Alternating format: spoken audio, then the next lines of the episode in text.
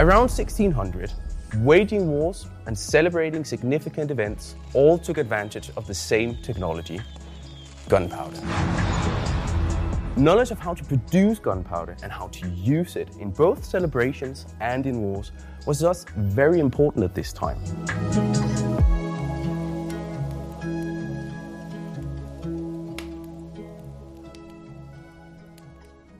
Here on the table in front of me at the Royal Library in Copenhagen, we have two manuscripts holding the same treatise about how to produce and use gunpowder.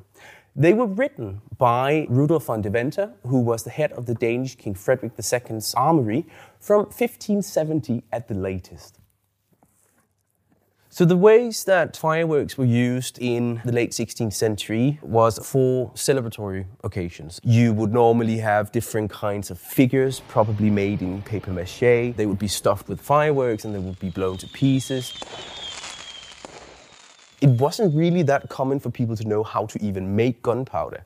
So when you were able, as a prince, to stage a firework, um, people would know, okay, you have actually got that knowledge at your court. That means also if we go in war against you, you will be able to put artillery in work.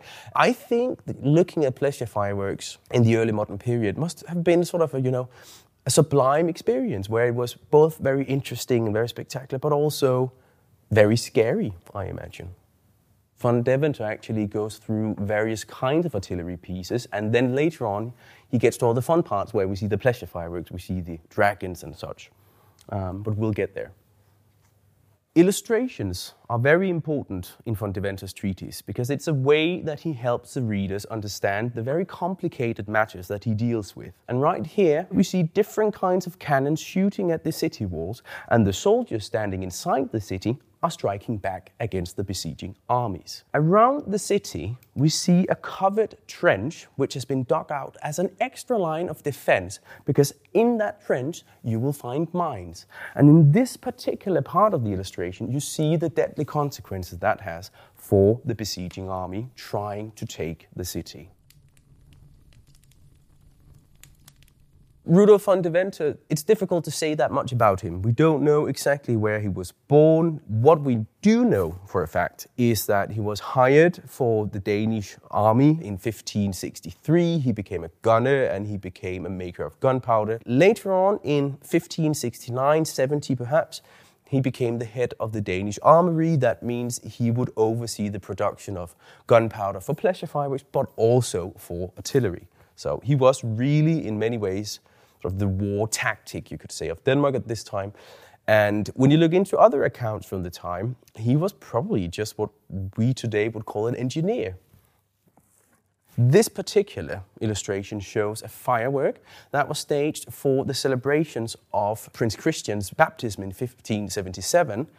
That's the guy we later uh, started to call Christian IV. Denmark underwent the Reformation in about 1536, and this fireworks is heavily dominated by an anti Catholic iconography. Four monks and a pope wearing the papal tiara are being set on fire by a German Landsknecht. This is a way for Frederick II, the king of this time, to use the celebration of his son's baptism to also cement that he was indeed a Protestant prince and he would protect the newfound true faith in Denmark. So here we see the two dragons shown in both manuscripts. We see that they are almost identical. There are certain stylistic differences, but they are more or less the same. These illustrations are the largest ones, covering a total of seven pages.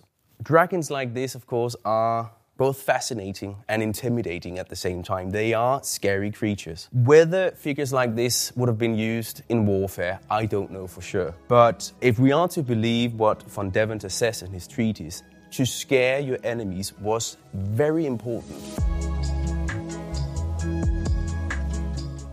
We're actually conducting a wider research project where we're trying to contextualize these two um, manuscripts to shine light upon how war celebrations were related to each other and having them transcribed, having them digitized, and now having the translation being published is a way to opening them up, so to speak, to a wider audience.